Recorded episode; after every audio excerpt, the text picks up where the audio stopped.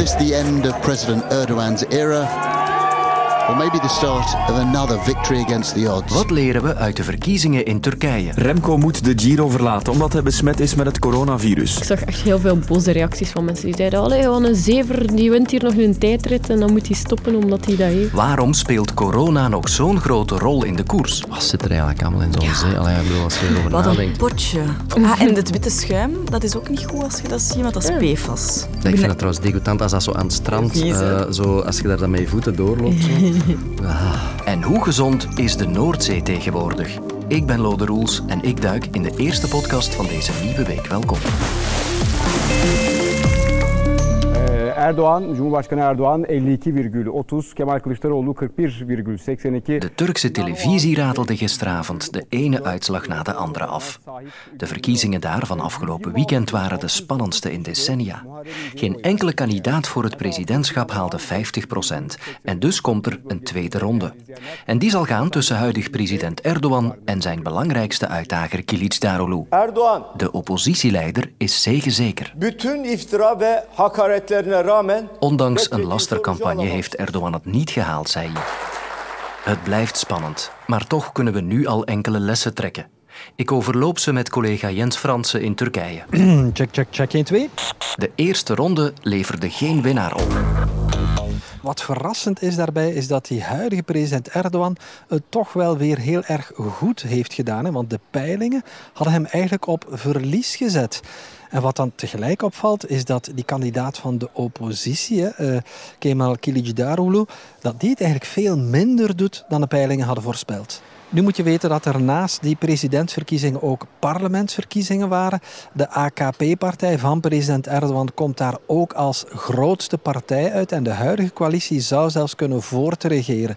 Nu moet je wel weten dat de macht van het parlement een stukje is ingeperkt. Een aantal jaren geleden is de grondwet aangepast. En eigenlijk is hier nu zo'n beetje een ja, een Frans presidentieel regime geïnstalleerd waar vooral de president het voor het zeggen heeft.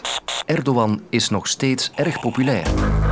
En eigenlijk hoeft dat ook niet te verbazen. Hè? Want als je spreekt met Turken, hè, dan hebben die een groot geheugen. Die stemmen vooral eh, voor wat die president Erdogan de voorbije twintig jaar heeft gedaan. En zeker die eerste tien jaar, eh, toen was er een heel erg grote economische groei. Er zijn hoge snelheidslijnen gelegd, ziekenhuizen gebouwd, voetbalstadia gebouwd, luchthavens gebouwd. Die infrastructuur is echt enorm toegenomen in Turkije. Er zijn nieuwe appartementswijken gebouwd, mensen konden auto's kopen. En ja, zeggen heel wat Turken, de voorbije vijf jaar kon je daar misschien wel iets op aanmerken op die Erdogan. Maar bon, er is ook een economische crisis geweest in Europa, daar was ook COVID. Als zij kijken naar de voorbije twintig jaar, is het daarom dat zij nog steeds vandaag op Erdogan stemmen. En die aardbeving in het zuiden van Turkije, begin dit jaar, heeft eigenlijk maar een, een, een kleine impact gehad. Hè. De peilingen zaten ernaast. En het vreemde is dat die peilingen, eh, die al een aantal maanden bezig waren, eigenlijk heel erg consistent waren. Bijna alle peilingen zetten zeker de laatste weken de oppositie, de partij CHP, echt op winst. Maar als je dan kijkt naar de resultaten, ja, die zitten er toch een stukje vanaf. De CHP heeft absoluut niet zo goed gescoord als in de peilingen. Dan moet je de vraag gaan stellen, hoe komt dat? Moeilijkheid daarbij wellicht is dat het een heel groot land is en je hebt eigenlijk heel veel soorten Turkije naast elkaar. Hè. Je hebt de grote steden, Istanbul, eh, Antalya, Izmir, Ankara. Daar wint traditioneel eh, de oppositie. Je hebt dan ook eh, de, regio met heel veel toerisme aan de kusten. Daar staat de oppositie ook sterk. Maar dan heb je dat grote binnenland met die heel veel kleine stadjes. En daar is het waar de AKP, het is daar waar president Erdogan zijn stemmen heeft gehaald. De verkiezingen lijken eerlijk te zijn verlopen. Ja, ik heb gehoord van waarnemers dat er hier en daar onregelmatigheden waren. Een stembus die is niet verzegeld is. Er gaan ook filmpjes rond op sociale media waarbij je kan zien dat er gefraudeerd zou zijn. Maar de vraag is één of dat, dat op grote schaal is en of dat, dat systematisch was.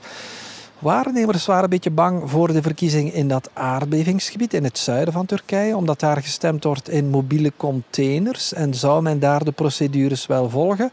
Maar aan de andere kant heb je een zeer uitgebreid netwerk van waarnemers van de partijen. In elk partijbureau en waar geteld uh, werd, zaten die er overal bij. En dat verklaart ook een beetje waarom het zo lang heeft geduurd voor de uitslagen, omdat er heel veel van die waarnemers elke keer bij de minste twijfel gevraagd hebben: hertellen die winkel. In de tweede ronde heeft Erdogan de beste kaarten.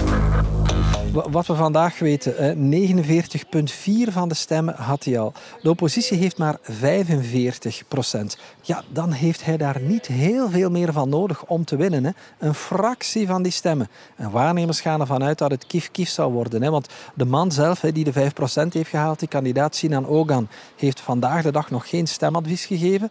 Maar als president Erdogan zelfs maar een fractie van die stemmen kan binnenhalen, ja, dan wordt hij opnieuw president. En die tweede ronde voor het presidentschap zal plaatsvinden op 28 mei.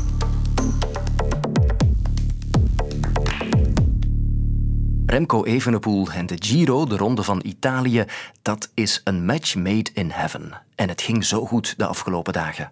Kan Evenepoel na de Vuelta ook de Giro winnen? De sky is intussen natuurlijk wel de limiet als legerende wereldkampioen, als Vuelta-kampioen. Remco Evenepoel blijft ook na de derde etappe in het roze. Een stevige dag in de Ronde van Italië vandaag. Ja, en een, eh, een goede dag voor Remco Evenepoel, Wim. Hij is uh, zijn roze trui kwijt en dat is precies waar hij vooraf op gehoopt had. Gek. Zelfs een valpartij of twee konden hem niet tegenhouden. En gisteren won hij ook de tweede tijdrit. Hij doet het met minder dan een seconde. Jawel, Remco Evenepoel pacht hier zijn tweede ritwits in de Giro d'Italia en is opnieuw roze trui. Wie had toen gedacht dat enkele uren later dit nieuws zou binnenkomen? Remco Evenepoel verlaat de wielerronde van Italië door corona. Hij testte positief bij een routinecontrole. Ik zag het niet aankomen. Het coronavirus leek iets van vroeger en zou ons dagelijks leven toch amper nog kunnen beïnvloeden. Niet zo voor Remco Evenepoel en zijn fietsende collega's. In de koers blijft corona een grote rol spelen, zo blijkt. Dat merkt ook onze wielercommentator Christophe van de Goor. Corona speelt absoluut nog een grote rol, zeker in de grote rondes. Als ik even mag rewinden naar eh, de laatste grote ronde, september, augustus vorig jaar, in de ronde van Spanje. Ja, er zijn, als ik me goed herinner, meer dan 20 en misschien wel 30 renners die uit de ronde van Spanje zijn gestapt met, uh, met COVID, met corona. Nu zijn we mei, uh, een half jaar verder.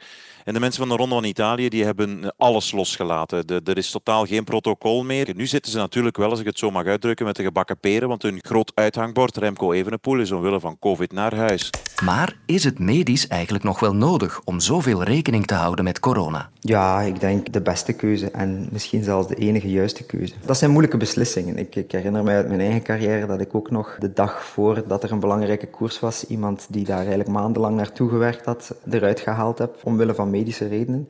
Dat zijn pijnlijke beslissingen. En Dit is sportarts Servaas Benjé. Ik heb het geluk gehad om acht jaar te werken voor de ploeg van de Nationale Loterij. En uh, ja, daar heb ik heel veel geleerd. Hè. Heb ik heel veel geleerd over hoe sporters met hun lichaam omgaan. En uh, hoe breekbaar dat, dat dan ook is door het feit dat ze zoveel sport doen. En hij legt uit welke afweging een sportarts maakt wanneer een coureur een coronabesmetting heeft. Het geldt zelfs niet alleen voor COVID, maar voor alle infecties. Als infecties te dicht op het lichaam zitten, dan is het onverantwoord om te sporten. En Remco heeft hopelijk nog een lange, mooie carrière voor de boeg. Dus uh, we moeten daar geen enkel risico in nemen. Sporten met koorts of sporten met een actieve infectie is eigenlijk tegenaangewezen. Het grote probleem is dat die infectie uh, kan overslaan op het hart. Uh, weet je, als je de Giro rijdt, dan ga je een paar uur per dag dat hart echt in het rood gaan jagen. Hè. Dus dan, dan zit je een paar uur per dag met hartslagen boven de 130, 140. En als je dat doet als je gezond bent, is daar meestal geen probleem. Maar als je dat doet in een staat van infectie, dan bestaat eigenlijk de kans dat die infectie een stukje gaat overslaan op de hartspieren. En dan krijg je de zogenaamde myocarditis. Dat is eigenlijk een ontsteking van de hartspier. En die heeft natuurlijk wel heel grote gevolgen eh, voor de gezondheid, zowel op acuut vlak, want dat is eigenlijk een, eh, ja, een medische zeer, zeer zware toestand, maar ook chronisch. Eh, we zien dan dat als een myocarditis niet goed geneest, dat dat bepaalde littekentjes kan geven op die hartspier, wat dan later ook weer problemen kan geven van ritmestoornissen tot uh, chronische pijn op de borst enzovoort. Dus uh, we moeten daar zeer voorzichtig in zijn en ik denk dat in het geval van Remco nu, ook al is die roze trui daar, uh, dat we toch de juiste beslissing hebben genomen. Het risico is ook sowieso groter bij de duursporten dan bij de krachtsporten. Bij duursport gaan we sowieso altijd een langere blootstelling hebben uh, en gaat dat lichaam veel meer moeten werken. En wat we daarbij zien gebeuren is dat dat eigenlijk ook door het lichaam een stukje geïnterpreteerd wordt als stress. Dus door in, in situaties van hoge stress te zijn, en geloof mij, ik denk dat de Giro zeker een situatie is van hoge stress, gaat eigenlijk ons immuunsysteem een klein beetje onderdrukt worden, waardoor dat we ook vatbaarder zijn voor een infectie. Want je, je hoort het vaak, hè, zeker in grote rondes, dat er, dat er inderdaad veel renners uitvallen omwille van ziekte. En meer nog, als er dan één renner uitvalt, dat er misschien twee of drie in dezelfde ploeg ook beginnen uit te vallen. En dat is eigenlijk gewoon omdat dat immuunsysteem bij iemand die heel veel sport en die dus zoveel stress, lichamelijke stress op zijn lichaam legt, ja, dat dat eigenlijk minder weerstandig is en uh, we dus vatbaarder zijn.